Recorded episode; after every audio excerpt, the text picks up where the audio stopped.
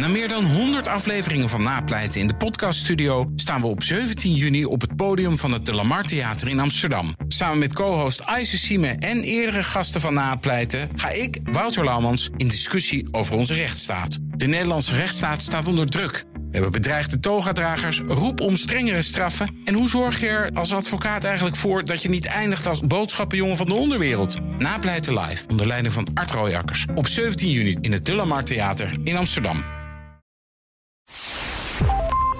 Welkom bij de Technoloog nummer 215. Hallo Herbert. Hey Ben. Ja, we, ga- we gaan spreken met Michiel Steltman. Michiel, welkom. Hoe vaak ben je nu in de Technoloog geweest? Eh, dit is de derde keer geloof Derde ik. keer. Ja. Eh, ik kon eigenlijk alleen maar de uploadfilters en de linktekst in de praktijk kon ik vinden. Dat, volgens mij was dat de laatste, maar nog een keer. Wat was de eerste keer dan? was, copyright, was het niet copyright? Oh, copyright kan wel. Oké, Ja. maar En je nu... bent van de Stichting Digitale Infrastructuur. Ja, directeur digitale infrastructuur. Nederland. Mhm. Ja. We gaan het hebben over wat eh, deze week. Ik ben er helemaal vol van. Daarom wilde ik het heel graag hebben. Ik heb je ook pas maandag gebeld. Eh, want je stond in het FD. Ik was op zoek naar iemand die er kon, kon Eindelijk over kon praten. We zijn actueel, maar dat is niet actueel, dit onderwerp. Dit is het, de ban van Trump op Twitter, op YouTube. Dat was heel erg actueel. dat was Snapchat gisteren. Snapchat. Wist jij dat Trump op Snapchat zat? Nee, nee. Wist jij het? Nee, ik wist het Hij zat op. Snapchat. Nee. Hij heeft er volgens mij nog nooit iets Nee, verkeerds gedaan. Want niemand Nee. had het er ooit over. Ja. Ja. Maar, Maar ook, hij is daar ook afgeschopt. Maar Parler van eh, Amazon, die Parler verwijdert. Natuurlijk ook in de app stores. Dus daar gaan we het over hebben. Ben ik helemaal vol ik van. waarschuw je vast dat ik hier hele uitgesproken opvattingen over heb. Oh ja, Dat ik is ook. mooi. Ja, Och, jongens, mooi. dit Nee, is zo... Het eens zijn. Oké, nou, maar begin maar dan. Met je uitgesproken opmerking over. Mijn uitgesproken opvatting is dat ehm, so- eh, sociale media hebben voorwaarden. Als je je daar niet aan houdt, dan hebben ze het volst recht je eraf te kieperen. Ja, maar Herbert, En als je dingen zegt die illegaal zijn, hebben ze de plicht je eraf te kieperen. Herbert wat, waarom ik hier zo vol van ben...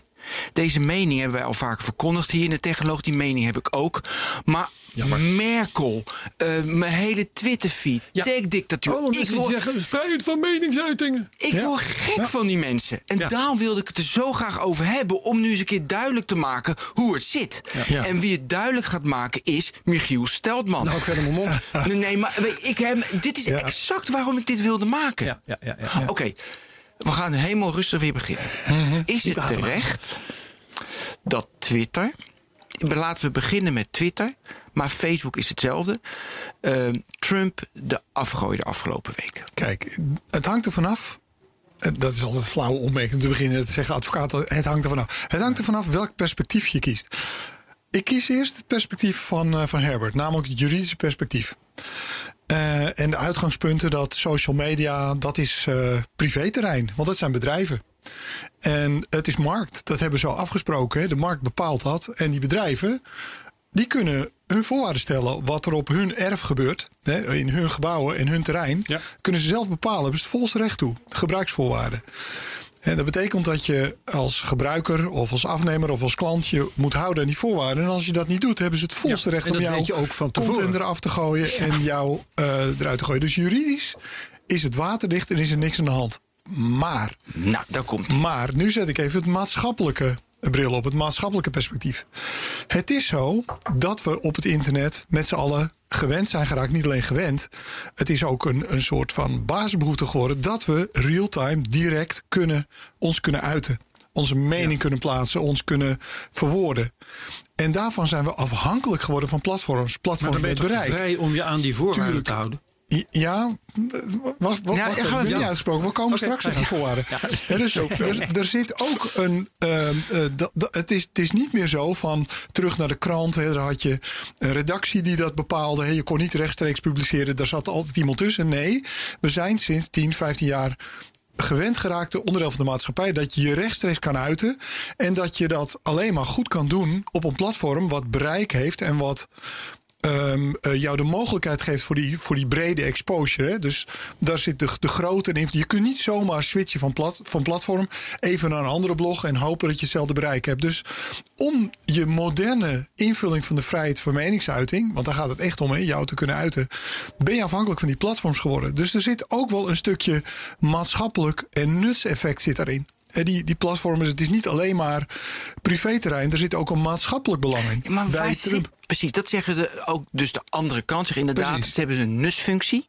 Ja, ze- maar waarom heb jij recht als gebruiker op dat bereik? Nou, omdat we dat nou eenmaal zo, zo werkt de maatschappij. We, we functioneren met z'n allen zo. We- die, je kunt die klok niet meer terugdraaien. Dat is als een ik of jij gewoonterecht of zo.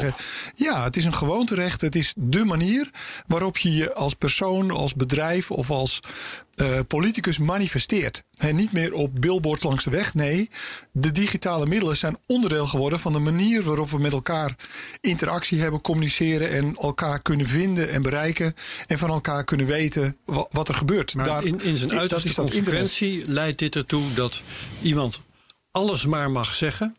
En dat je hem nooit meer eh, het zwijgen kunt opleggen. En dat is niet juist, want eh, waar we het volgens mij eh, in, in Nederland en ook in andere landen wel met elkaar over eens zijn, is dat vrijheid van meningsuiting is leuk, maar die is niet absoluut. Absoluut mee eens. Er zijn Helemaal mee eens. de, de, de, de, het bekende rijtje haatzaaien, oproepen tot geweld, racisme. Trouwens, allemaal dingen waar Trump zich aan schuldig heeft gemaakt. Hè. Dus als hij al niet in Nederland, heb eh, even tot Nederland eh, beperken. Als hij in Nederland dit soort uitingen had gedaan, dan was hij, had hij niet alleen de voorwaarden van Twitter geschonden, maar ook gewoon eh, had hij zich aan eh, strafrechtelijke delicten schuldig gemaakt. Dus. ehm, als je altijd maar gaat zeggen, ja, vrijheid van meningsuiting kun je iemand niet eraf gooien, dan eh, geef je iemand een vrijbrief. Nee, ik geef ook niet een, andere, een alternatief. Ik, ik geef een ander perspectief. Ja, dit, dit fenomeen, hè, dat het ook maatschappelijk... dat is een fenomeen waar je met z'n allen rekening mee moet houden. Dat, dat hoort bij het moderne leven. Hè, als ik hem ietsje doortrek... het gaat ook om... eh, de, de invulling van het begrip internetvrijheid. Hè. We zijn gewend dat je een apparaatje kunt aansluiten, dat je een dienst of je mening of content gewoon kunt aanbieden op het internet. Hè, dat, die, die lage drempels zijn ook ontzettend belangrijk.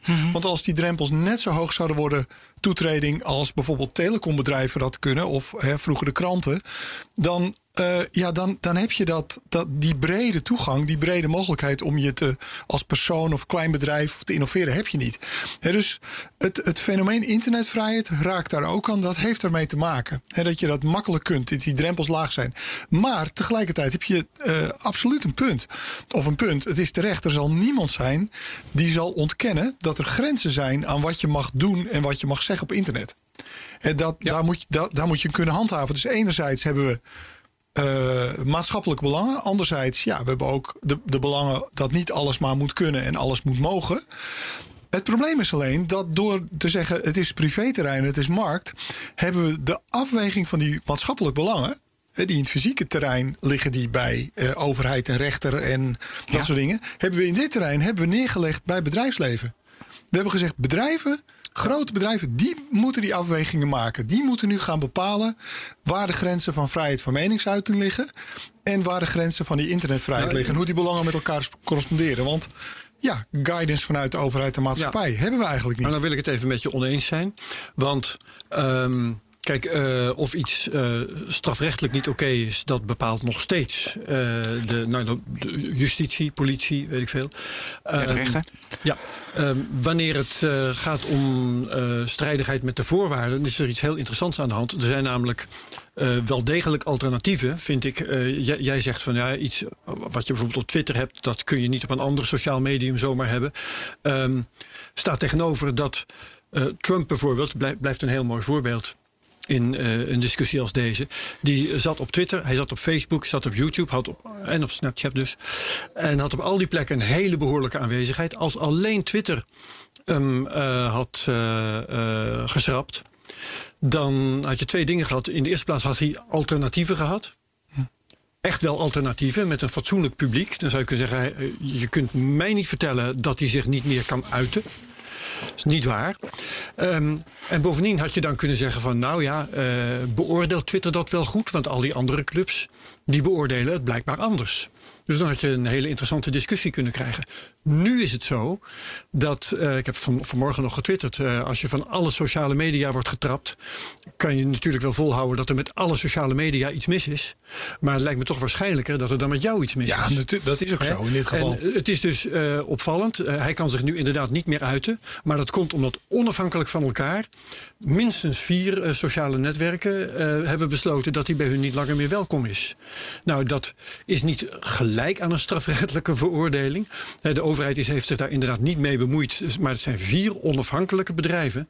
Eh, en dan denk ik, van, nou, als, als dat je overkomt, dan maak je mij niet wijs dat er onrecht is, is geschied. Nee, maar toch zou het niet zo moeten zijn dat er iets van de, de maatschappelijke belangen worden meegewogen. Is het terecht dat alleen bedrijven die afweging mogen maken en dat niemand anders zich daarmee bemoeit? Dat is het hele spectrum. Ik wil heel van- even, want dat heb je net. Kijk, wat me wel stoort, is dat eh, ze, Merkel, maar ook al in mijn hele Twitter-timeline, heel veel mensen die, geven dan die bedrijven de schuld. Terwijl ik vind, de overheid is nalatig geweest. In al, je volstrekt kan je Twitter en. Facebook kan je niets verwijten Nee, dat zij nu deze beslissing hebben moeten nemen. Ja, dat ben ik hardgrondig met je eens. Het is zo dat de overheid eigenlijk laks is geweest. Dat hij eh, alle maatschappelijke afwegingen en belangen volledig heeft geprivatiseerd.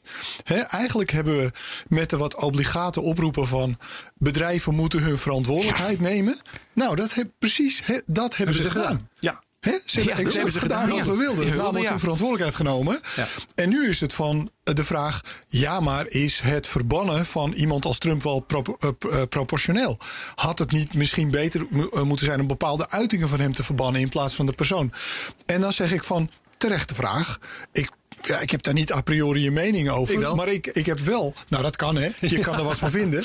Maar feitelijk is het zo dat het antwoord op die vraag had moeten worden gegeven door instituten die we daarvoor hebben. Namelijk beoordelingen door rechter en overheid. tuurlijk. en langs de lat van de wet. Dat, dat, kijk, principieel Dat is natuurlijk ja, het punt. ben ik dat wel met je eens. Eh, in dit geval, de, de discussie die ontstaat aan de hand van dit geval.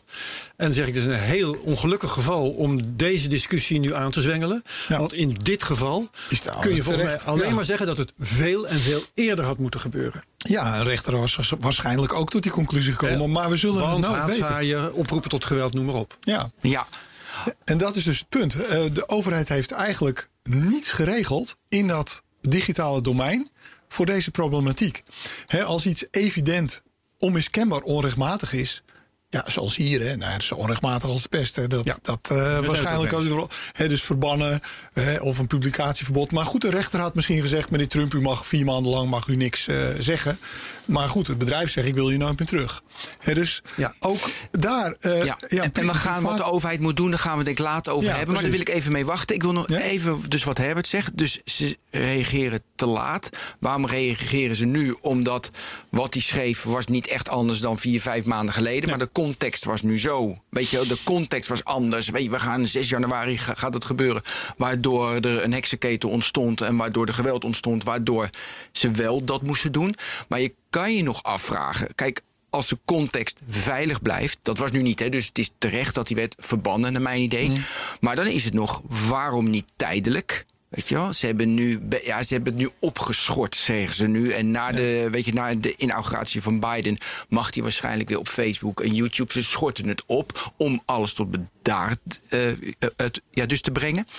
Maar ik heb wel een beetje van, je zegt, Herbert, jij zit voor mij heel erg op het spoor voor eeuwig verbannen. Of, of ga ik nu te ver? Eh, nee, dat vind ik namelijk nee, echt niet. Nee, nee, nee. nee. Dat, dat, Ik vind echt eh, tijdelijk. vind ik niet per se nodig. Eh, ik vind wel dat hij het daarna heeft gemaakt hoor. Maar, maar goed, dat is.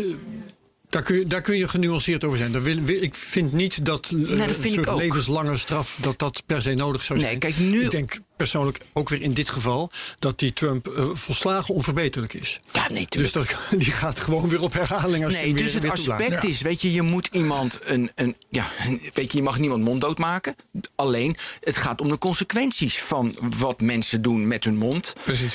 Eh, Dus daarom is, naar mijn idee, moet dat tijdelijk zijn. En een aspect dat meespeelt is heel erg, waar ik heet het mee zit, is bereik.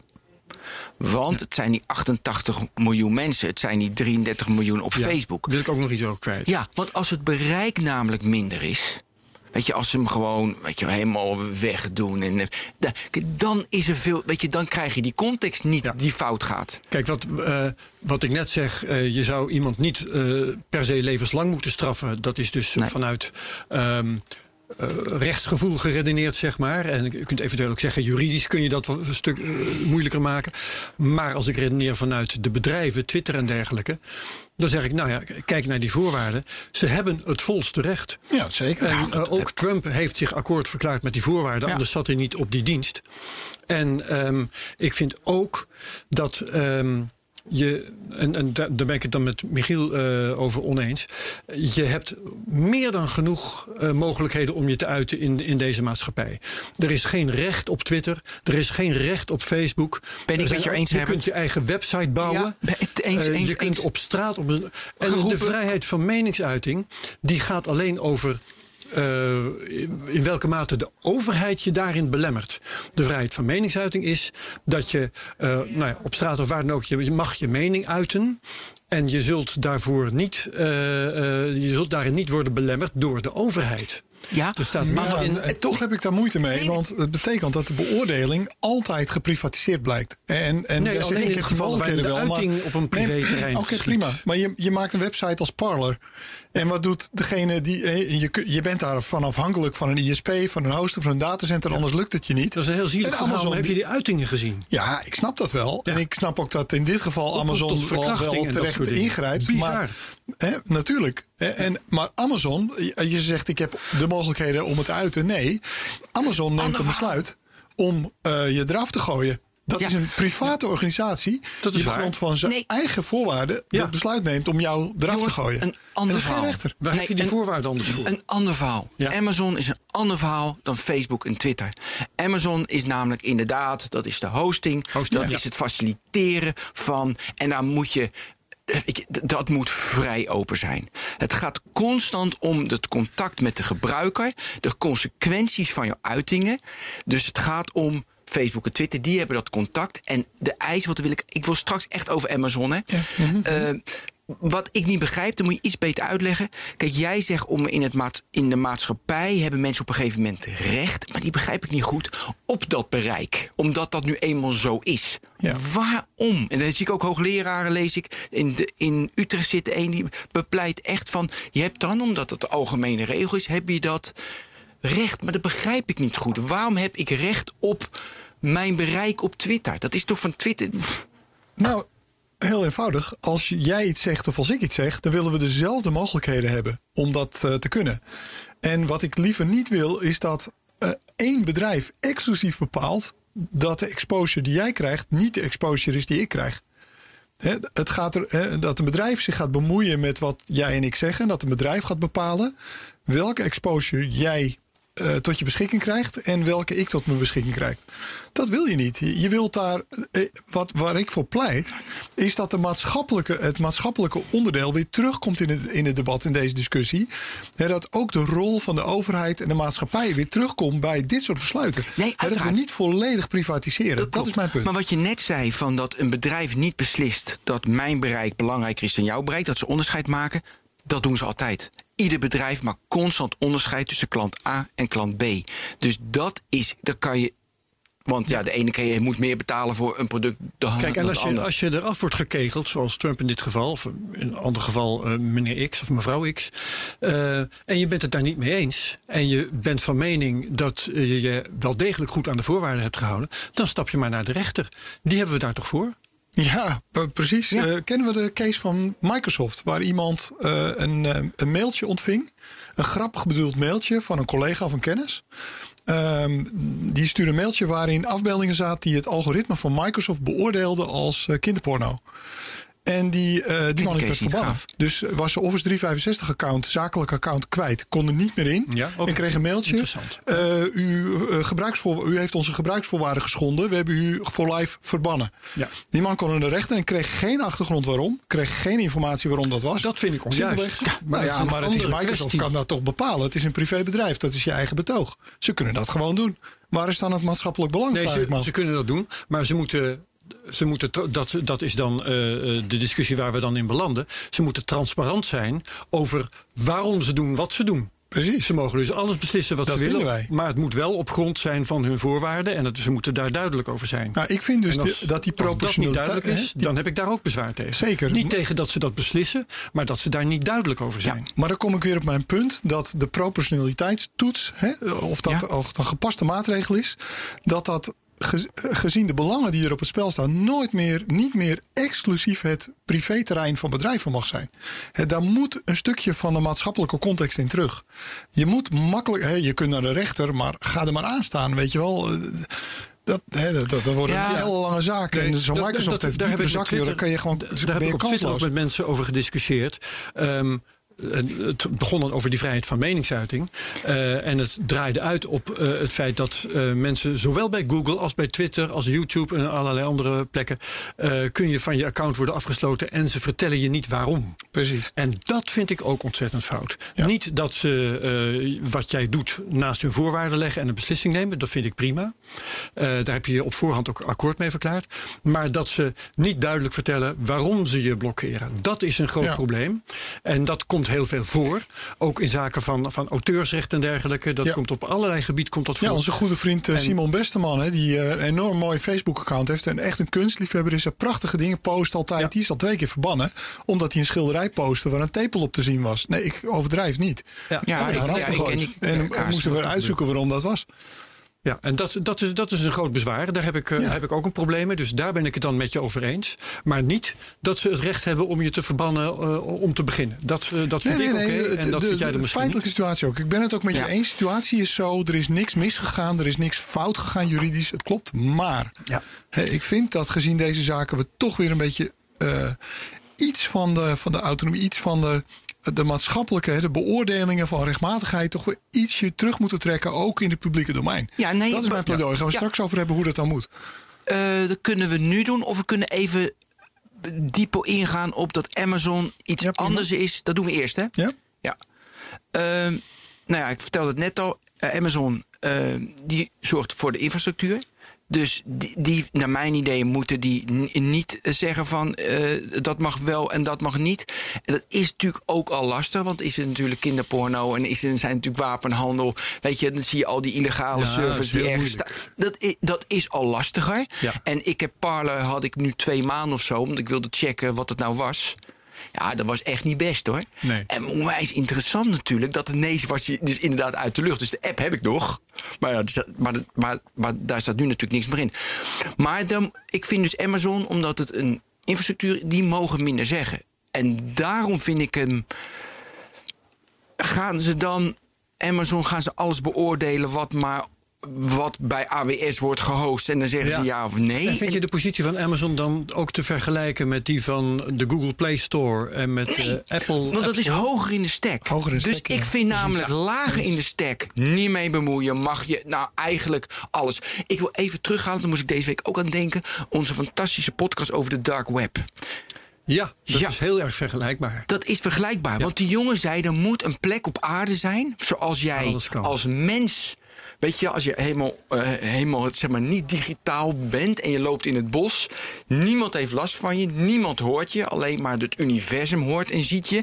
En dan kan je doen en denken en laten. Je kan alles doen wat je wil. En dat vond ik best wel een mooie gedachte. hè. Kijk, beïnvloed ik mensen omdat ik het hier op het plein doe... en mensen hebben daar last van? Dan kan het dan niet.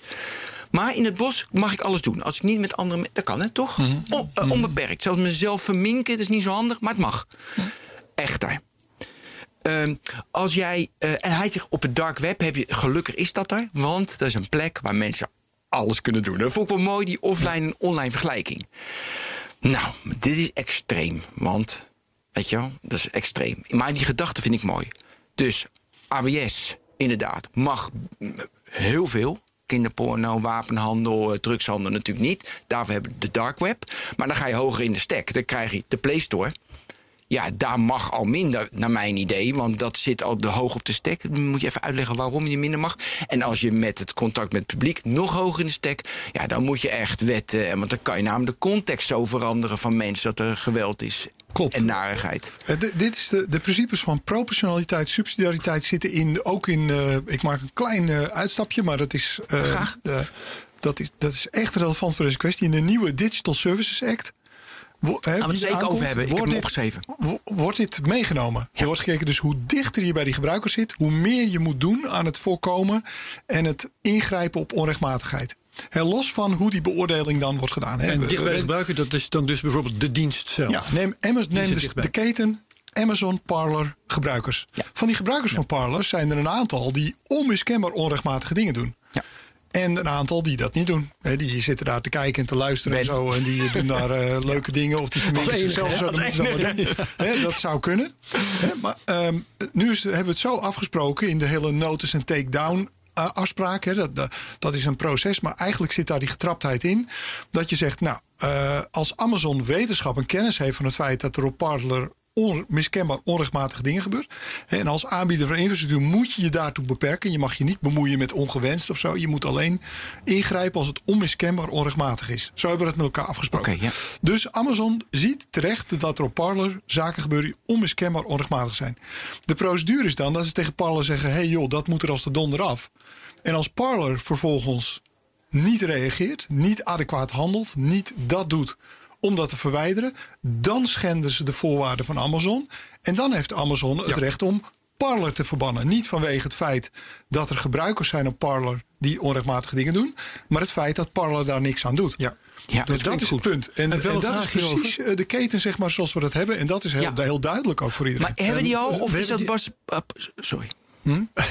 Ehm, even duidelijk voor de duidelijkheid. We hebben het hier over de Amerikaanse wet, hè, neem ik Ja, aan. precies. Daar wil ik... ja, maar de, de, NTD-procedures zijn wereldwijd ongeveer werken hetzelfde. Want- Dat, want- dat is overal zo afgesproken. De volgende vraag die ik heb is: eh, jij zegt eh, als Amazon ziet dat, dat er onrechtmatige dingen gebeuren, dan vraag ik me af: hebben ze de plicht om daarnaar te kijken? Of, moeten ze, of mogen ze wachten tot iemand ze op de hoogte stelt Nee, van als een of andere onrechtmatige aanbieder van infrastructuur hoef je je niet per se te bemoeien met, Nee, met content. Is dat die moet je alleen maar. 203 of hoe heet het ook weer? Nou, het is juridisch, er is geen juridische basis hiervoor. Hè. Die Nee. komt er wel maar je hebt in veel onder pro- providers hè, die eh, hebben niet de plicht om in de gaten te houden wat er op hun netwerken gebeurt. Nee. Maar als ze op de hoogte worden gesteld, hebben ze wel de plicht om dat te onderzoeken. Ja, dat zit in Ja. het huidige e-commerce directive. En ook in de nieuwe Digital Services Act zit dat er weer in.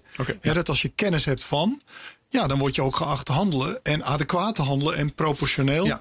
eh, te handelen. Proportioneel in termen van, ehm, eh, je, je mag niet, zeg maar, het is niet de bedoeling dat je... Niet meteen zo'n dienst opblazen. Eh, bij kinderporno is dat evident, hè, want het is onmiskenbaar onrechtmatig. En het Ja. is een interessant voorbeeld wat ik altijd hanteer. Want je mag er als provider ook niet eens naar kijken. Je hebt geen keuze dan een melding te behandelen. En dan moet je dus kijken, gaat jouw klant er iets mee doen? Doet die klant dat niet en doet dat twee, drie keer niet... ja, dan eh, gooi je die klant van je platform af. Dat is nu een Ja. algemene praktijk ook. Ja, nou, dat is uitstekend. Ja, Ja. en hoe gaat het dan? Want eh Parler gaat nu, maar dat, dat hebben ze wat moeite mee, naar, eh, ze gaan naar Epic. Oh, Nee, die andere partij. Ze gaan naar, hoe heet die partij waar ze nu gaan hosten? Epic, ja. Ja. Waarom mag dat dan wel? Nou, het mag niet. Maar Epic is blijkbaar een partij die een oogje dichtknijpt. Hè. Je hebt eh zogenaamde bulletproof hosters. Eh, dat zijn partijen, eh, vroeger vonden we dat heel stoer, hè, want die waren echt open internet, hè, geen grenzen aan, alles Ja, mocht. ja, ja, ja. Maar nu zijn bulletproof hosters toch een beetje de paria's geworden van de digitale Ja, infrastructuur. zit hij dan ook in een Die of ander vaag land? Soms wel op de Seychelles of Ja. ongrijper of in Oekraïne of zo, weet je. Ja, dat ja, is ja. een reseller van een reseller. Maar concreet die Epic? Ik eh, ken ze niet. Nee, oké. Geen idee. Nou ja, ik vermoed dat het. ze niet in Nederland zitten. En dat ze in Nederland zijn ze ook echt niet welkom. In Nederland hebben we echt alle bulletproof hosters was een beetje weggepest. En terecht. Ja. Oké, eh, ik wil heel graag. Kunnen we hier een beetje de, de conclusie aantrekken? Of dit is te open? Want daarna wil ik graag naar de oplossing. Dan komt Ja. de DSA en de DMA kom, eh, komt natuurlijk aan bod. Weet je wat de Europese Unie gaat doen, het verschil tussen Amerika. Maar kunnen we eh, hier nu een conclusie over, over opstellen? Of is dat toch te lastig nog? Nou ja, ik denk wel samenvattend. Nu is er niets aan de hand. Bij bedrijven volstrekt juridisch. eh, Nou, als je, de hele, ja. als je alles volgt, Juridisch is er, was er veel aan de hand afgelopen week. juridisch gezien is er niets aan de Is er hand. niks aan de hand? Maar we voelen ons erg ongemakkelijk omdat we ons realiseren dat we het bedrijfsleven, eh, eh, Ja. politie, eh, rechter en executeur hebben gemaakt. Ja. Zonder dat we er ook maar iets aan kunnen doen. En daar voelen we ons ongemakkelijk. Ja, precies. Ik niet. Wat? dat- jij ik niet. Ik voel me daar niet kijk, ongemakkelijk bij. Maar dat is eh, verder. Daar hoeven jullie er geen zorgen over te maken. Ja. Wat kijk je nou verbaasd? Dat heb ik net toch allemaal ja, dat we vertellen. allemaal uitgelegd. Ja. Nou, ik, ik- wat ik zeg, ik vind dat op terreinen zoals de, eh, als je het raakt aan de vrijheid van meningsuiting hier en andere dingen, dat dan een exclusief eh, beoordeling van bedrijven eh, en exclusieve rol van Ja, politie en wacht, ik ga, even, ik ga even naar Herbert Ja, nu. dat vind ik even naar ver gaan. Herbert. Maar goed. Nou ja, goed. ehm, eh, Dat natuurlijk één we- CEO. We wel? raken, we raken dan misschien in een, eh, in een eh, tredmolen be- belanden we. Maar ik wil nog wel een keer Nog zeggen. ding Ik, ik zeg, als je van Twitter wordt geflikkerd... dan kun je altijd nog op Facebook en op YouTube kun je ongeveer hetzelfde doen. Ik, dat zijn we met je eens. En Geen enkel probleem. Als je van alle sociale media wordt geflikkerd, dan heb je het er blijkbaar zelf naar gemaakt. Maar dan Ja. kun je altijd nog op een zeepkist gaan staan. en de vrijheid van meningsuiting, die garandeert alleen dat als je op die zeepkist gaat staan en je gaat dingen roepen, dat je bijna alles mag. Behalve haat zaaien, ehm, eh, geweld prediken en dat soort zaken. Ik, ja, ik mo- moest aan twee dingen denken toen je dit vertelde, want dit had je net ook verteld. Hm. Ik dacht eerst aan eh, dat Pieter Thiel eh, een hekel had. Dus natuurlijk met Facebook in de boord zat hij en die had een hekel aan die, omdat hij homoseksueel was, met dat die ene uitgeverij. Oh ja, eh, Gawker. Gawker. Mm, ja. Zeg maar, die case- is toen kapot gemaakt. Ja, en, ik, dus, en als je dan, zeg maar, Facebook kan één persoon, die kan dan beslissen. Ik vind Herbert stom. En ik haal Herbert nu, haal ik zijn hele business weg. Ja. Dus dat kan, en dan kan je naar de rechter gaan. Maar dan heb je wel of niet gelijk. Maar dan kan één bedrijf dat doen. Ja. Dus, en, nou, of een CEO of één persoon zoiets kan beslissen, vind ik inderdaad, die kan naar de rechter, maar dat vind ik nogal wat. Ja, nou, Pieter Thiel heeft niet zomaar iets beslist. Hè? Pieter Thiel heeft eh, financieel mogelijk gemaakt dat die, hoe heette die gast ook weer? Ja. eh, eh, die, die, mm, ik ben zijn naam Ja, dat doet er ook niet zo toe. Zijn Eh, naam. Een, een of andere vent die uh, Gawker aanklaagde. Ja. Die dus, eh, Gawker had geloof ik een seksfilm van, hem- van hem gepubliceerd. Die heeft Pieter Thiel in staat gesteld om tegen Gawker te procederen. Ja. En die benadeelde persoon die heeft dat proces gewonnen. Dus Ja. er is wel degelijk een gewone gerechtelijke procedure geweest. Met een of andere krankzinnige schadevergoeding die helemaal nergens op sloeg. Ja. Eh, de meeste mensen zijn blij als er een seksfilm van ze in de openbaarheid komt. Want daar varen ze heel wel bij. Ja. Maar goed, hier is hij. eh, kreeg hij van 120 miljoen eh, dollar of zoiets kreeg Ja. hij een schade van. En dat maakte Gorker kapot. Ja. Dus Ja. Pieter Thiel heeft niet persoonlijk de stekker eruit getrokken. Hij heeft alleen aan touwtjes zitten trekken. Ja. Ja, en, en dat is de eerste waar ik aan dacht dat Ja. één CEO iets kan beslissen. Waar je denkt van nou, dan moet de rechter ook misschien iets over zeggen. De tweede dacht ik van eh, Google verandert het algoritme en je business kan. eh, heeft heel veel schade, weet je, wel? want het algoritme en daar kom, weet je, dan moet je je SEO weer aanpassen enzovoort. Dus dat doet dan ook één Ja. bedrijf, maar dat is natuurlijk ook het, dat is ook bedrijfsvoering. Oké, laten we dit. Moeten we eerst over de DSA en de DMA Zoek hebben? nog even of- de naam van die. eh, Heel van die goed, vent jij zoekt die Ja, naam. Of moeten we het weten. eerst over artikel 230 hebben? Want dat vind ik wel een beetje de basis. Artikel 230, eh, de jaren 90 van de vorige eeuw. eh, dat de, de, de, de sociale platformen zijn niet verantwoordelijk voor wat er op je platform Ja, de e-commerce director. Waar, inderdaad, director. inderdaad. Waar nu eh, in Amerika, waar- waar nu zelfs de Democraten en de Republikeinen, weet je, Trump die wilde die schrappen, dat ze wel aansprakelijk werden. Er is een hele hoop discussie over. Klopt die wet nog dat ze niet aansprakelijk moeten worden gesteld wat er op het platform worden, wordt geschreven? Nee, nee dat, eh, dat is eh, heel terecht. En dat is ook eh, herkend ehm, in, in Amerika, maar ook in, in Europa. In de nieuwe Digital Services Act vind je dat ook terug. Dat principe dat aanbieders. ehm, er zit wel een getraptheid nu in, hè, maar het, hoe dieper in je keten zit, hoe minder directe verantwoordelijkheid en aansprakelijkheid je hebt voor datgene wat er met die infrastructuur gebeurt. Ja. Net zo, hè, er zijn allerlei principes en net zo min als Tenet verantwoordelijk is voor het feit dat met hun stroom wiet wordt gekweekt. Hè. Het is eh, een beetje dat idee. Ja. Oké, dus die 230 i- wordt nu. De, de beste oplossing is getrapt. Ja. We gaan even een onderbreking. Tada, want Herbert heeft een naam gevonden. Hulk Hogan. Ja, Hulk die was Hogan, het, ja. die, ja. Ja, dat was zo'n zo'n krachtpatser met een eh, gigantische snor. Die groen was. Nee, Oh nee, nee, nee, dat was weer de Hulk. Ja, dat was de Hulk. Acrobatische trucjes deed. Dit de was ringen precies zo, zo'n ja. zo'n worstelaar. Ja. Ja. En eh, goed, seksfilm, eh, beledigd, proces. Pieter Thiel eh, die schoof hem wat geld toe. En dat maakte mogelijk dat er een krankzinnige schadevergoeding werd uitgekeerd. Ehm, en, en dat heeft Gorker te gronden gericht.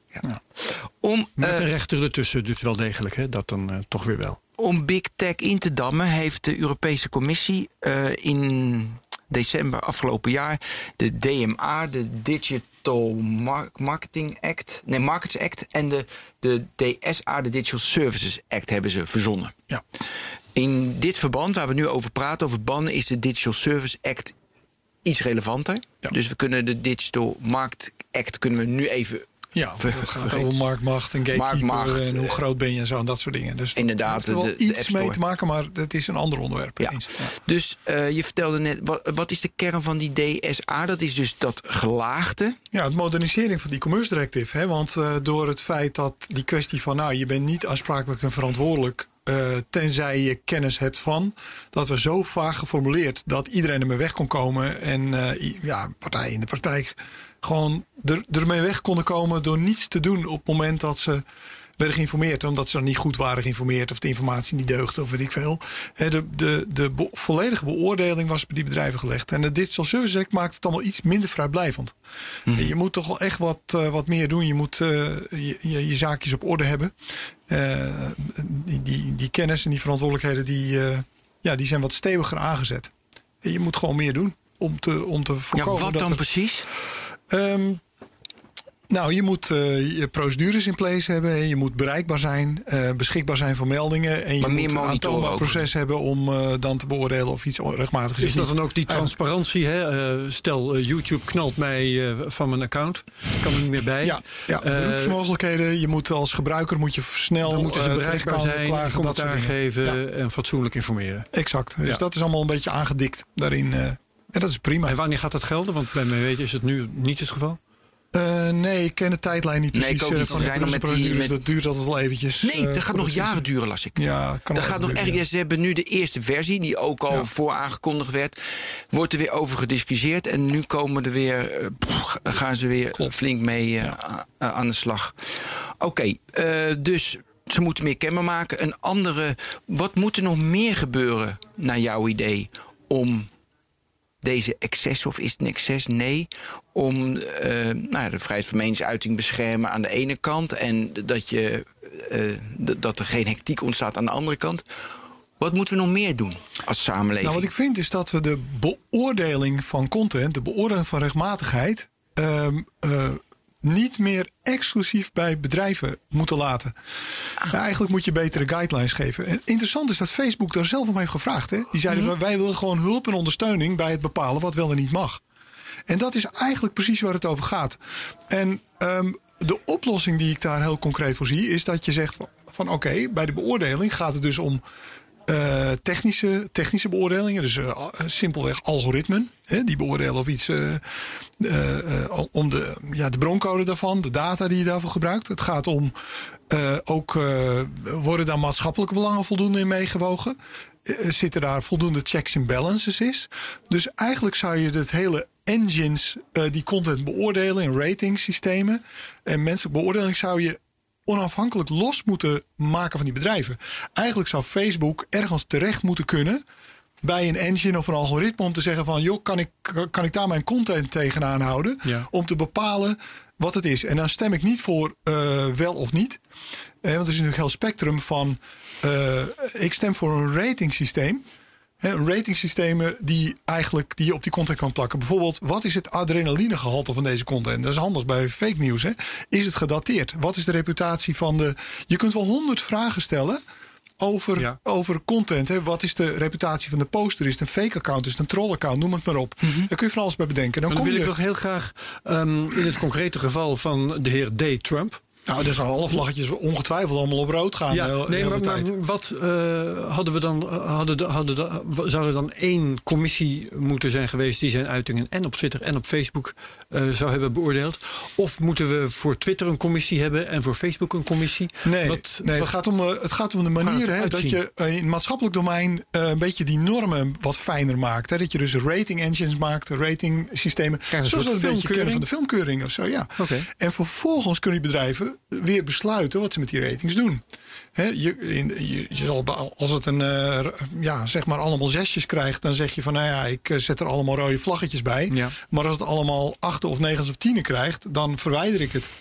Dan krijgt de, de, eh, degene een bericht en die zegt: joh, Ja. alle rating engines die zijn op rood. Sorry, maar ik heb de, jouw uiting eraf gegooid. Maar dan heb je en verschillende landen. kan je dan, weet je wel? Met verschillende wetten en ook verschillende eh, morele standaarden. Hè. Dat Ja. er- overal ligt het dan wat anders. Eh, in Azië zijn ze weer anders als het gaat om, weet ik veel, seks, noem maar wat. Ehm, moet je dat soort systemen dan ook per land verschillend hebben? Ja, want uh, kijk, die ratingsystemen die hoeven niet te verschillen. Maar het feit of je het blokkeert of verwijdert, dat is natuurlijk afhankelijk van de wet. En je, je blokkeert en verwijdert als het onmiskenbaar onrechtmatig is in het betreffende land. Ja. ja, daar ontkom je niet aan. Maar het beoordelen. Um, ik geef een voorbeeld. We hebben nu. Uh, waarom ik zo sterk geloof dat deze aanpak werkt. Niet alleen geloof, ook weet. Dit is precies de aanpak die we in het afgelopen jaar samen met de minister hebben ontwikkeld voor de bestrijden van kinderporno. Um, een probleem wat we al tien jaar niet konden oplossen. En uh, omdat we zeiden, die bedrijven moeten wat doen. Maar die bedrijven zeiden, ja, nou ja, ik ga mijn mensen echt niet naar die plaatjes laten kijken. En het EOKM zei, ja, ik kan niet alles verwerken. En sommigen zeiden, ja, dat EOKM, de, die hebben geen goede systeem, ik ben niet bereikbaar. Allemaal gedoe. Ja. Dus we hebben gezegd, weet je wat, uh, gaan het probleem eens heel goed bestuderen. Waar zit het nou precies? Nou, er zijn een aantal conclusies uitgekomen. En onder andere dat 90% van het materiaal repeat materiaal is... wat ooit eens een keer geproduceerd en elke keer opnieuw verschijnt zeiden we, oh, nou, dat kunnen we wel heel makkelijk automatiseren. Dus er is een hashtag service ontwikkeld en wat algoritme, waardoor 90% van het materiaal wordt herkend. Nu komt het, die hashtag database wordt niet door bedrijven beheerd, maar die wordt beheerd door politie samen met het EOKM. Dus een onafhankelijk instituut die kan zeggen: dit is onmiskenbaar onrechtmatig. Die last ligt niet op de schouders van de bedrijven. Ja. Bedrijven zeggen alleen maar: ja, als hij in de hashtag service voorkomt, dan verwijder ik hem. No questions asked. Ja. Dat is evident. Dat is niet mijn besluit. Hè, of het elimineert 90% van vechtbaar, dat is gewoon. Dat reduceert al 90% van het probleem. Dan hou je een klein probleem over. Dan hebben we gezegd: dat is dan beoordeling door het EOKM. Want die kunnen na het namelijk beoordelen. Zijn erin gespecialiseerd. Maatschappelijk aanvaardbaar. Dat aanvaarden we in de maatschappij als een instituut. Wat die onmiskenbare onrechtmatigheid goed kan beoordelen. Maar als het gaat om uitingen in, hebben. in tekst, zoals bijvoorbeeld op Twitter, dan wordt het wel even anders. Want uh, een, een, uh, een zin een grammaticaal correcte zin met bepaalde woorden erin. Mm -hmm. is wat lastiger um, algoritmisch te bepalen of die onmiskenbaar onrechtmatig is. Exact. En uh, daarom is een ratingsysteem zo belangrijk. Hè? Dus mm -hmm. op het moment uh, dat je zegt van ja, dit is een. alle, alle vlaggetjes gaan af. Hè? Het is een 9, het is een 10. Uh, op, op, uh, onrechtmatigheid. Je kan dan zeggen van nou, dan moet je nog een menselijke beoordeling eroverheen gooien. Hè, dat liefst, nogmaals onafhankelijk, hè, dus liefst bedrijven georganiseerd door bedrijven, overheid en maatschappelijke organisaties samen. dus niet alleen maar exclusief mensen die bij Facebook zitten, maar die restcategorie kan je menselijk beoordelen, kan je bepalen. Is het nou onmiskenbaar onrechtmatig of niet? En dan mag je als bedrijf besluiten wat je er vervolgens mee doet. In het ene land zal je het eraf gooien, in de andere kant zal je er een dikke rode warning op zetten. En ik neem aan dat je ook nog een apart kanaal wilt hebben voor door mensen aangebrachte uitingen. Uh, dat mensen zeggen van hey, dit is dan misschien niet naar boven komen drijven in jullie ratingsysteem, maar ik voel mij gekwetst of ik word bedreigd. Ja, of en daar kan zo'n ratingsysteem weer van leren. Maar dat moet hij dan niet bij Facebook melden, maar bij zo'n onafhankelijke instantie. die daar uh, zijn algoritmes mee kan verbeteren. dat is een beetje de aanpak dat ik denk, ja, dat kan werken. Klinkt goed. Na de 12 uur bannen van Trump, toen had hij twee nieuwe tweets. En ik dacht gelijk van, nou, keurig. Maar en toen werd hij dus verwijderd. Want het was dus niet keurig. Dus kan je nagaan dat ik het al verkeerd... Ja, heel zwak. Ik, ja, ik zat te zoeken, maar ik, ik kon ze zo snel niet vinden. Ik interpreteerde dat al niet goed meer mensen zeiden van uh, hoezo, weet je, dit is heel, heel erg willekeurig. Nou, niet goed. Of Twitter was een beetje snel op zijn teentjes getrapt snel, tussen. Maar vind je het gek, denk ik dan? Nee, okay, maar goed, je ziet, het is lastig. Maar ik vind het wel een hele goede oplossing. Dan vraag ik altijd gelijk af. Dit wordt ook al best wel lang geroepen. Dat dat moet zijn. nee, is het nieuw? Nee, nee, nou, het wordt het, het, ja, wel gezegd, maar niet echt begrepen. Ik merk het is gewoon het voorstaand inzicht. Met name aan de kant van, denk ik, overheid en politiek. Dat je toch wat wat nuance erin moet brengen. Hè? Het roepen van bedrijven moeten hun verantwoordelijkheid nemen... is natuurlijk een mooie, ja. lekkere, slagvaardige politiek statement. Jij zegt de overheid moet zijn verantwoordelijkheid nemen. Ja, en, en uh, de conclusie is dus... de overheid alleen uh, beoordelen wat we zeggen en doen... dat is geen goed plan. Dat is uh, staatscensuur. Bedrijven die het alleen doen, is ook geen goed plan. Nou, de oplossing is dat je, dat je samen moet doen. Ja, ja. ja. En uh, zoals Kees Verhoeven uh, twitterde van die had vier punten: moderne mededinging opknippen en fusies verbieden. Zit meer in die, in die market act. Zit in de DMA. Dat ja, maar dat is, dat is wel een interessant, hè? Want mm -hmm. uh, als je kijkt, kijk, Facebook, WhatsApp, als je het meer, weet je, als ze dat wel, dan krijg je minder een, een ja, dan komt het bereik minder bij elkaar. Ja. ja, maar Twitter heeft ook een groot bereik. Dus dat heeft ook. Ik dacht meer een beetje mensen gaan naar Signal, mensen gaan naar Telegram. En als het groot wordt, komen er ook weer extreem emistische Ja, ik vind het een typische marktordeningsvraag hoor. Niet meer en niet minder. Eigenlijk zou uh, politiek zich er nauwelijks mee moeten bemoeien. Maar alleen uh, de Europese mededingingsautoriteit en de ACM hier, ja. uh, die moeten dat uitzoeken. Is er voldoende aanbod? Kun je op andere plekken terecht? Zijn er alternatieven? Kun je makkelijk switchen? Dat zijn allemaal heel terechte vragen. Is die markt voldoende divers? En zo niet, dan moet je wat doen. En zo ja, dan moet je je gewoon niet mee bemoeien. Ja. Zo simpel vind ik het hoor. Dus ik vind dat de politiek uh, maakt zich wel zorgen, maar uh, maakt zich uh, eigenlijk vermengt de discussie. Hè. De zorgen gaan over de maatschappelijke impact. En dat zit veel meer op het terrein wat ik net noemde dan ja. de marktmacht. Hè. Dus de marktmacht wordt aangegrepen om uh, zaken op te lossen die de politiek eigenlijk zelf heeft laten liggen. Ja, nou dat was vorige week in onze podcast toen we hadden over dat Facebook vraagt als jij een, een advertentiecampagne doet. Uh, dat heb ik nog een stukje uitgehaald van zo boeiend of je even al je data wil wil uploaden, want dan hebben ze meer gegevens van je. Je bent een bedrijf, je wil een event organiseren en dan vragen ze: heb jij, heb jij gebruikersdata?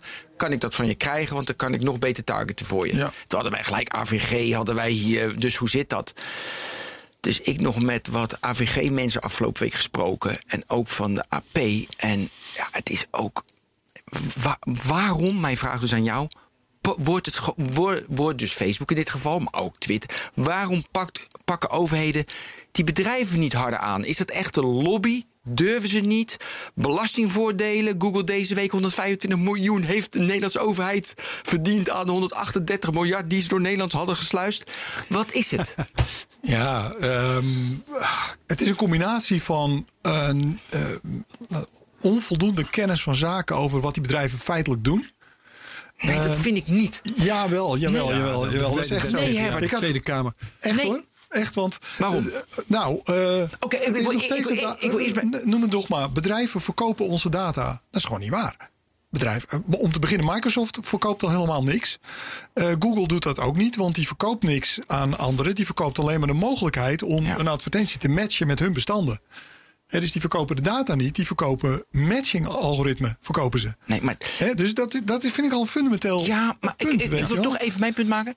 Als ik die rapporten lees over de DSA en de DMA, wat de EU ja. uitbrengt, weet je, de onderzoeken die ze doen. Als ik bijvoorbeeld een Kees Verhoeven hoor praten, ik, dan denk ik van. En ook Jan Middel, uh, Middeldorp van de VVD. Mm -hmm. Jan Middeldorp, ja. Die, die, die gasten, die weten. Die, die, dat, is niet, dat zijn geen nono's. Echt niet. Nee, dat snap het ik is wel. niet echt. En, de, en, nee, zo. Er wordt niet gehandeld. Dus er zit ja. iets achter. De kennis is echt, want ze hebben ook goede adviseurs. Maar er zit iets achter en dat is volgens mij lobby, belangen, geld. Dat is het volgens mij, weet je wel, want belasting. En het niet durven, want ze zeggen, dat is het volgens mij. Ja, nee, ingrijpen maar jij zegt is een heel zwaar middel, weet je wel. En het gaat natuurlijk ook niet om Europese bedrijven. Hè. En uh, ingrijpen heeft dan, uh, als je maatregelen, dat ze maatregelen maken, heeft het ook potentieel impact op het uh, toch al niet zo heel sterke Europese digitale bedrijfsleven. Hè. Dan kom je daar ook met, misschien in de problemen. Um, ja, wat voor soort maatregelen zijn dan gepast?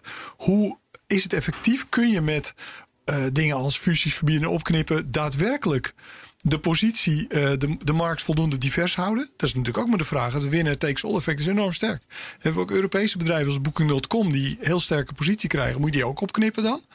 Uh, weet je, het is, niet, het is niet zo simpel als uh, in, in de fysieke wereld om met regulering en dit soort maatregelen de, de diversiteit in de markt herstellen. Want dat is eigenlijk wat je wilt. Hè? Je wilt ja, en voor divers, heb je diverse unintended consequences. Ja, precies. Dus dat, dat snap ik ook wel, die terughoudendheid. Ja. En uh, ja, fiscaal is ook weer zo'n punt. Hè? Waar, waar wordt het geld betaald? Hoe profiteren we ervan? Nederland is altijd... Uh, roept aan de ene kant verontwaardigd. Aan de andere kant zijn we maar super blij dat we multinationals aantrekken. En dat snap ik. Want multinationals, ook digitale, zijn deel van de, van, van de economie. We zijn super blij als we hier Unilever en Shell aan ons kunnen binden. Nou ja, dat geldt ook voor Google en Microsoft. Waarom niet? Dat zijn ook net zulke bedrijven. Ja, hoe, hoe ga je daar fiscaal weer mee om? Ja. Grote vragen. En ik snap wel dat de politiek daar niet zo makkelijk een antwoord op heeft. Even een hele platte vraag. Wie gaat, ik vind het al een goed idee dat we een onafhankelijk instituut hebben, stichting, weet ik voor wat, die dus die uitingen uh, algoritmisch, maar ook mensen moeten aan te pas komen voor de context vaak, of straks wordt alles algoritmisch. Wie gaat dat betalen? Eh, eh, Flauw. PPS, hè, hetzelfde verhaal. Beide hebben het probleem. Beide moeten betalen. Ik heb ook gepleit ehm, voor... eh, PPS, publiek-private Publiek-privaat, samenwerking. ja, over een soort externaliteitenfonds. Wat ik vind, en dit is controversieel hoor, mijn achterban neemt dat misschien ook niet altijd dank af, maar dat kan me Hier kan je schelen. zeggen.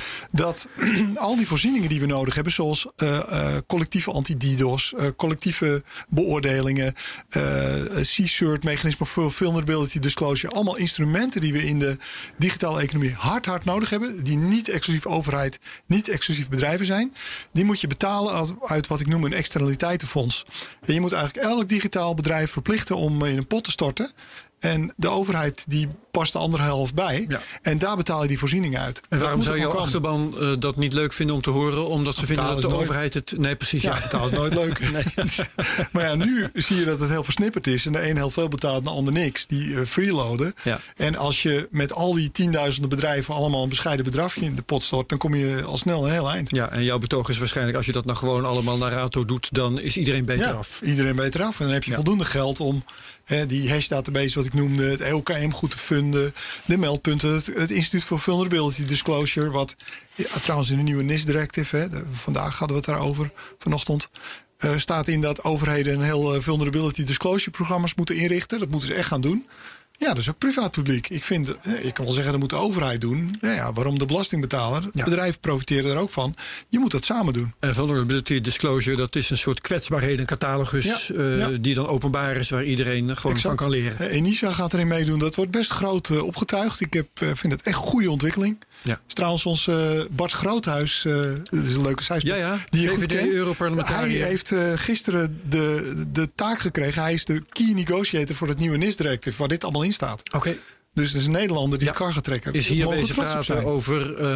eh, kijk, was, waar het nou de digitale... Nee, dat was bij, bij de CryptoCast. ehm Goh, ik- Maar je maakt bij de veel CryptoCast heeft ge- is, hij- is hij wezen praten over eh, Oh ja, de wij- digitale... wij zouden hem toch ook eh, een keer krijgen? Centrale bank, Ja. eh, munten van China en dergelijke. Maar wij hebben hem hem ook niet eens een keer proberen Ja, uit ja, te ja, ja. nodigen. Zou ik we hebben doen, hem hier over gehad. dit onderwerp. Ik zoek We het hebben even hem gehad, ja, dat was goed. even door, ik zoek hem op. Ja, zoek hem op. Dat naar verwijzen. Interessante Ja, nee, dat hebben we hem gehad. was een goed. Was goed. We maken te veel technologen, want we kunnen het allemaal niet meer aan elkaar. Ja, Oké, Ja. internet 1.0. Technologie. Open en gedecentraliseerd. Toen kwam de economie erin. We hadden geen businessmodel. Ja. Het businessmodel werd Oh, het ging over desinformatie. Precies. Ja. Dus je snapt, weet de je, de- dat haakt natuurlijk hier aan. ja, tuurlijk. Maar goed, oké, eh, internet 1.0, eh, decentraal, open. Toen kwam de economie erin, want ja, we moesten geld verdienen. Want ja, wie gaat anders betalen? Dat werd, data werd het, het, het belang... 17 september. 17 Van dit september. jaar. Luister Sorry, van terug. vorig jaar. Want dat was echt... Ik, ik kan me nog herinneren, ik had na afloop van ja, leuk. Eh, economie, data, mijnen. En daardoor werd het dus gesloten, gecentraliseerd. Big tech, die eh, Ja. rulen het internet. Zie jij nu weer nu de, de politiek eh, mee moet gaan bemoeien? Of de blockchain-achtige, zie jij weer dat we naar een meer open en gedecentraliseerd internet, naar mijn idee moeten we dat. Maar zie je ook die trend? Gaat dat gebeuren? Omdat we nu, omdat nu, het internet is nu zo politiek geworden. Ja, eens. Nou ja, de- wa- wat je beschetst is eh, het scenario van Tim Wu, hè, de Master Switch. Eh, dat beroemde boek. Die, die, eh, nou, die, ik heb het boek niet gelezen. Nee, maar Tim Wu, nou, ik kan het in een half minuut uitleggen. Hij van alle communicatietechnologieën die je in de vorige eeuw hebt gezien, radio, film, tv, telefonie, hebben allemaal hetzelfde patroon gevolgd. Dit patroon. Dat begint met kleintjes, met enthousiasme, met euforie. De wereld wordt nooit meer hetzelfde. Alles wordt anders. De democratie decentraal. komt overal. Ja. En dan komt de commercie, dan komt de onnuchtering. na- En dan krijg je clustering en schaalgrootte. En uiteindelijk wordt het gedomineerd door twee of drie grote firma's. En de rest. Ja, eh, radio, En dan komt televisie, er iets het nieuws. Maar, zegt Tim Boel, maar bij zo leuk. internet is er niet een nieuwe ontwikkeling of een nieuwe stap. Dat is er niet. Want we hebben, dit is mondiaal, wereldwijd, voor iedereen toegankelijk. Je kunt Ja. niks. Bovendien is het alle media tegelijk. Het is audio, het is Ja, video. het is alles. is, daarom, eh, dus, je kunt, dus daarom zegt hij, je moet gewoon die diversiteit en de, die ecosystemen op het internet beschermen. En je moet dus terug Naar naar, open en het handhaven van die openheid. Hè, die internetopenheid en de lage Hij is ook de man drempels. van de netneutraliteit, hè? Ja, Ja. En dus dat, zijn, dat is een balancing act. Eh, ik sprak eh, Michel van Eten bijvoorbeeld, die zegt van ja, dit is een spel wat gewoon gespeeld moet worden. Eh, de grote moeten er allemaal winnen en dan zien we het wel. Ja. Ik denk, nou jongens, dan zetten we te veel op het spel. Michel Ja, van Eten, beveiligingsprofessor uit Ja, Delft. ja. Maar zie jij inderdaad die. Kijk, ik, maar ik heb, ben natuurlijk zo gekleurd als het me zijn kan. Ja, ik zie, weet je, de toename. En dat kwam ook door WhatsApp met die nieuwe privacy-instelling. ik heb even een screenshot gemaakt van mijn WhatsApp. van wat ze allemaal wilden. En nee, dat geldt wat minder. Het is alleen maar zakelijk. Maar mensen naar Signal en naar Telegram, weet je wel. En als Telegram groot, wo- groot wordt, zie je, ben je ook weer Hebben we dat pineut. probleem? Het, is zo'n probleem. Maar toch zie ik wel in de social media, weet je, eh, 1.0 was heel erg Twitter, Facebook groot. En ik zie wel dat jij. Je bent anders op Slack, je bent anders op Teams, je bent anders Ja. in Signal, anders op WhatsApp. Dus je gebruikt nu Discord, gebruik je weer voor het gamen en je gamevrienden. Dus ja. je hebt heel veel verschillende tools gebruiken nu voor je verschillende identiteiten. En dat zie ik wel als social media 2.0. Dus dat zie ik meer decentraal, meer verspreiding. Maar ja, misschien eh, en is één, ik vind dat. En ik ben heel erg gekleurd.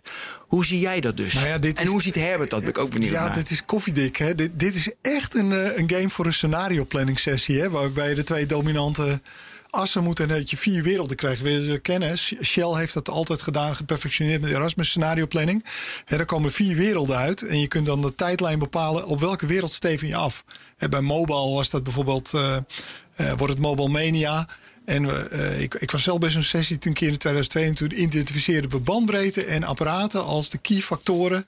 Die zouden bepalen of we in eh stol out zouden komen of in Mobile Mania. Nou, het werd Mobile Mania. Ja, omdat iedereen die apparaten toen. Wij voorspelden in 2002 dat we zeiden: hoe cool zou het zijn als ook computerfabrikanten nou eens mobiele communicatiedingetjes gingen maken. Ja. En toen voorspelden we als krantenkop in 2002. In 2007 zal Apple de iCal-phone uit gaan brengen. Oh man. Ik, ik heb hem, als je hem gaat googlen Mooi. op internet, mij vind je dit nog, die scenario planning oefening. Ja, heb je- Toen, ja, zo ja, werkt ja. scenario planning, zo krachtig is dat. En eh, dat, dat kun je dus ook doen. Hè? Wat zijn de factoren waardoor het... eh, nou, dat is dus eh monopoly, monopoly. Ja, maar nu eh, ben je te verstandig. Ik weet het niet. Ik, ik kan het Nee, niet zeggen welke ik weet het op ook gaat. niet. Ik weet het niet. Dat weet niemand. Maar weet je, ik zeg, ik ben gekleurd. Maar Wat dat, zeg je gut feeling? Maar Ja. ja, ik denk, ja, ik, nou, ik zou het, ook, het is ook een wens van de gedachte natuurlijk. Wat denk jij, Herbert? Ehm, wat is de vraag precies? De vraag is precies: gaan we weer naar een decentraal open internet toe? Of blijven we nog lang aan de big tech en marktmacht? Ja, ja. Zoals je in alle technologieën wat je net uitlegde, dat behoudt. Ja. Ehm, je bent een blockchain-man, dus je moet je, hier. eh, een blockchain gaat ook Nou een belangrijke rol je, spelen. eh, waar je last van hebt natuurlijk is het netwerkeffect. Dat, eh, daar is Facebook heel groot mee geworden. Eh, dus ehm, ik denk dat, dat eh, zulke grote molochen... eh, dat die er altijd zullen zijn. En dat Facebook heel moeilijk van zijn monopolie af te krijgen is. Maar het zal wel een keer gebeuren. Maar die, eh, die dominantie van een klein aantal grote jongens... die houden we tenzij dat door wetgeving wordt eh, tegengegaan. Maar er zullen ook altijd kleine jongens blijven. Jij noemt een hele hoop. Het Discord en ja? Het TikTok. Slack. ja, precies. Snapchat. Ja? Ook klein gebleven trouwens. Hè? Dus, eh, Ja, maar TikTok, hoe snel die afgelopen jaar nummer 1 in alles, alles, alles. Ik Ja, zat dan te- wordt hij misschien heel groot, of misschien net niet. Ehm, maar dan komt er weer een nieuwe. Dat is een voortdurend komen en gaan van, van concurrenten. Maar ik denk wel, eh, wat, wat ervoor pleit voor het scenario eh, wat jij schetst, dus openheid, is dat dieper in de keten eh, de wettelijke garanties op die openheid wel sterk zijn. Je kunt nog steeds makkelijk aansluiten. Er is netneutraliteit. Ja. Er is zijn open standaarden. Hè. Er, is, er is niets wat partijen tegenhoudt om erop te zitten. Hè. Dat kunnen alleen Nou, overheden eigenlijk killen. ding Met, misschien, het uploadfilter. Hebben we dat is typisch iets wat een hele dure maatregel is. die je eh, op zijn plek moet hebben tegenwoordig. Ehm, wil je een, bijvoorbeeld een YouTube-achtige dienst oprichten. Ja, ja. Dus, eh, en dat is maar als raakt alleen de grote. Hè. Voor de kleine is dat. speelt Nee, dat, dat werkt juist in het voordeel van de grote. Want die hebben het geld om een content ID gewoon te kopen. En als ik een kleine YouTube wil oprichten als eh, start-up nu, dan moet ik ergens een content ID vandaan halen.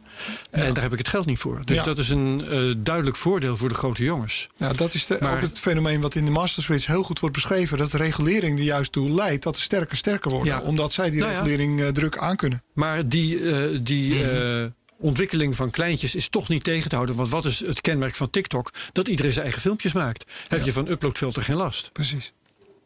Dus, nou, um, ja, ik denk dat zit er dat, voldoende innovatie in. Ja. Is de openheid zo dat er altijd plek zal zijn voor start-ups, digitale start-ups, nieuwe businessmodellen. Dat verwacht waardoor ik dat scenario. Dat, hoop, dat is mijn hoop en ook wel mijn verwachting. Dat dat dan wel een Ja. tijdje goed gaat. Maar wat wel grappig is om te noemen, eh, Ben, jij noemde al die verschillende diensten die je kunt gebruiken voor je communicatie. En dat je ze allemaal voor iets anders gebruikt. Ja, dat, en toen zei je meteen, dat ben ik. En toen dacht ik meteen, eh, maar ik, doe het, ik doe het anders. Want ik gebruik er zo weinig mogelijk van.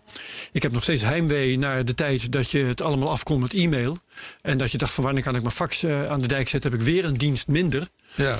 Dus ik probeer zo weinig mogelijk Facebook te gebruiken. Ik probeer geen Snapchat of Oh, TikTok ja. te gebruiken. Je- Ik probeer eh, de Slack hou ik buiten de deur. Ja. Want ik ben bereikbaar genoeg. Ik heb Whats- WhatsApp en ik heb Ja. Signal. En ik heb, ik heb Ja, er meer dan ik prettig vind. maar Maar er zijn er een aantal waar ik niet buiten kan. Maar ik beperk dat zoveel mogelijk. Ja. Hey, ik ben iets vergeten. Want jij je triggert me met e-mail. Er waren Ja. ook heel veel stukken dat ze zeiden van... eh, het is allemaal gesloten systemen. Ik kan niet, en we moeten een open protocol hebben... met Ja. onze sociale mediaplatformen. Eh dat ben ik helemaal vergeten te vragen. Dus je had natuurlijk in het eerste stuk al wat moeten doen. Hoe zit dat? Moet dat? Dus eh, nu, weet je, als ik een Ja. WhatsApp, dan moet je naar WhatsApp. Ik kan niet naar Signal en ik kan niet naar. Dat je je Facebook eh, content kan downloaden Ja. en mee kan nemen. mee kan nemen. Nou, ik vind Noem het eh, een creatieve oplossing. Eh, de verplichting eh, voor open interfaces, open standaarden... Ja? is een veel creatiever en veel krachtiger methode... dan wettelijke maatregelen van fusie en opknippen of zo. Ja, maar dat, zou de wet ook moeten internet zeggen. heeft het al lang bewezen.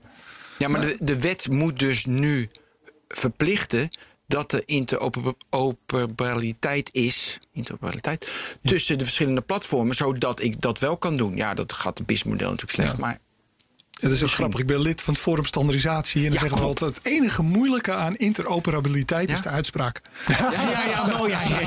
Oh, totaal geen last van. Die is een van de medewerkers van het bureau Forum eh. Belogisch. Nee, maar klopt, hè? Nou, dat is een bottom-up gedachte. Je merkt vaak bij bestuurders dat ze bij het woord standaarden... dan worden de ogen wat glazig.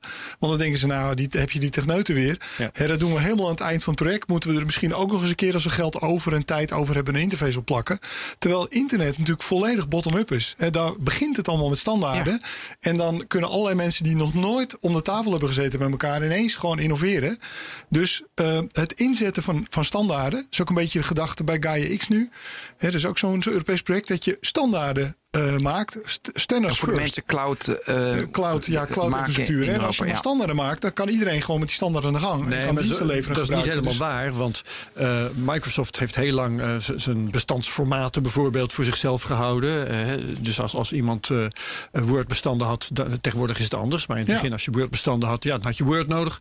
Eh, en ze hebben geprobeerd hun, om hun eigen audio- en videobestanden door te drukken. Het is dan toevallig mislukt.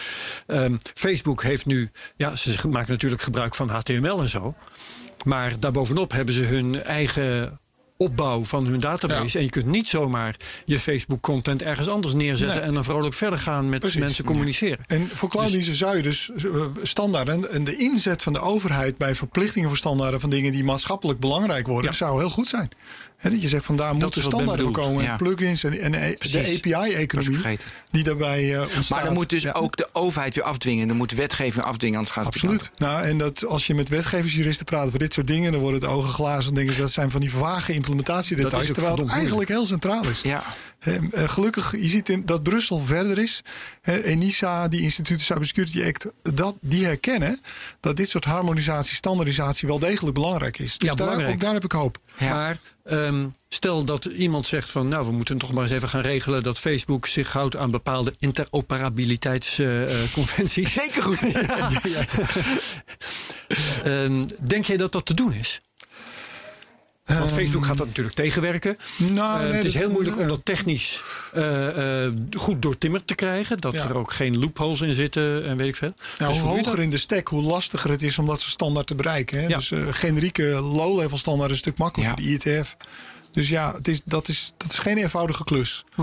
En daarom moet je ook die bottom-up aanpakken. Hè? Gaan stapelen. eh, dingen die onomstreden zijn eerst doen en dan verder bouwen. En hoger in de stack proberen ook een standaardisatie af Ja. te dingen. Dus het, het dataportabiliteit is ook iets En dat vereist eh, dan wetgevers die behoorlijk doortimmerd zijn als het gaat om de techniek. Ja, en die begrijpen dat techniek ook een drijvende kracht is. En dat het verankeren van techniek.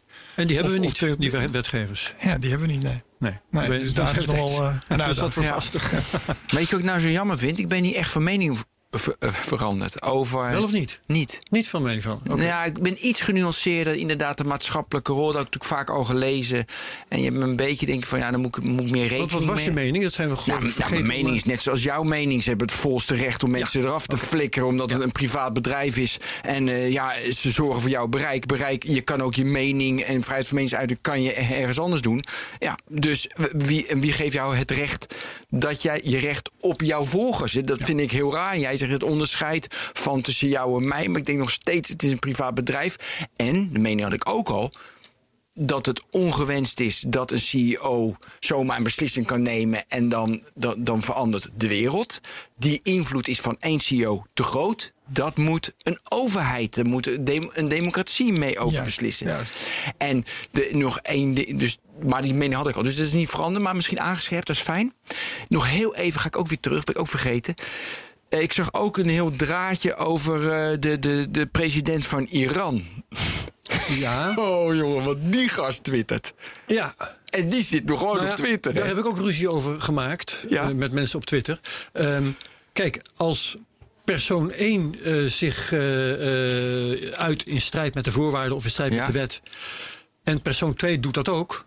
ehm, dan, en Twitter knalt persoon eh, Eén? 1 eraf.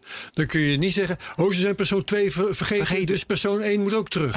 Nee, dan moet je zeggen, persoon 2 moet er ook af. Nou ja, maar Terwijl wat je zelf, onder de daar Trump-fans- Daar hoef je niet mee te bemoeien. Dat, kan, dat, dat mag Twitter volledig zelf, zelf weten. Want ze kunnen twee Dat is er wel nou ophouden. punt. Ja, zeker. Dat kan. Maar, ze maar, mogen eerder consequent zijn. Ja. Ze mogen consequent. Ja, dus Precies. niet een wet maar om de wat ik vervelend vind is het, is het want daar zijn de Republikeinen in Amerika ook heel sterk in.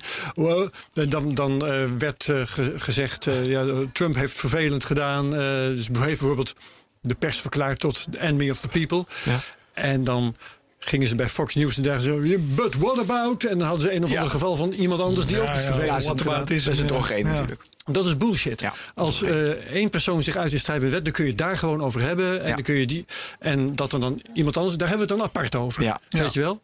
Ja, bij, de bij, de rechter zou dat ook natuurlijk zo moeten zijn. Ja, eh, ja hij, ik, ik heb fout gepunt. Ja, maar hij deed het ook. Hij- ja. Nee, Ja. fout is fout, weet je wel. Dat, nou ja, precies. Maar eh, ook ik had daar een tweet over getwitterd. Dat eh, als de politie dief 1 heeft gevangen en dief 2 niet.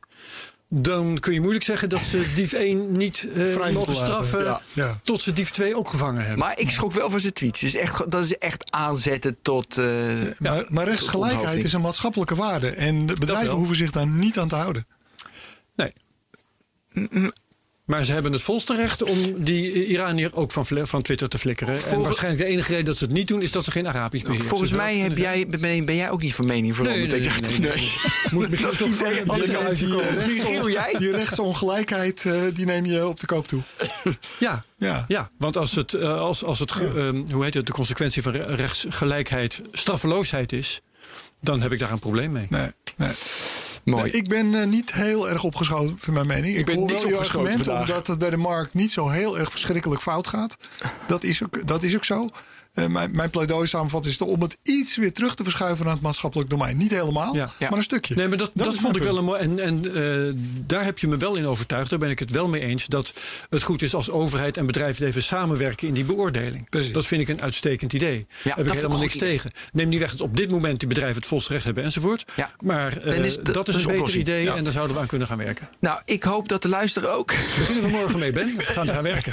Zeker, dat de luisteraar ook iets, iets in, in gedachten veranderd zijn of juist niet. Prima.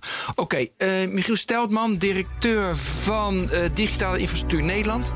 Bedankt, Herbert bedankt. Ben bedankt. Tot Jullie de volgende technoloog.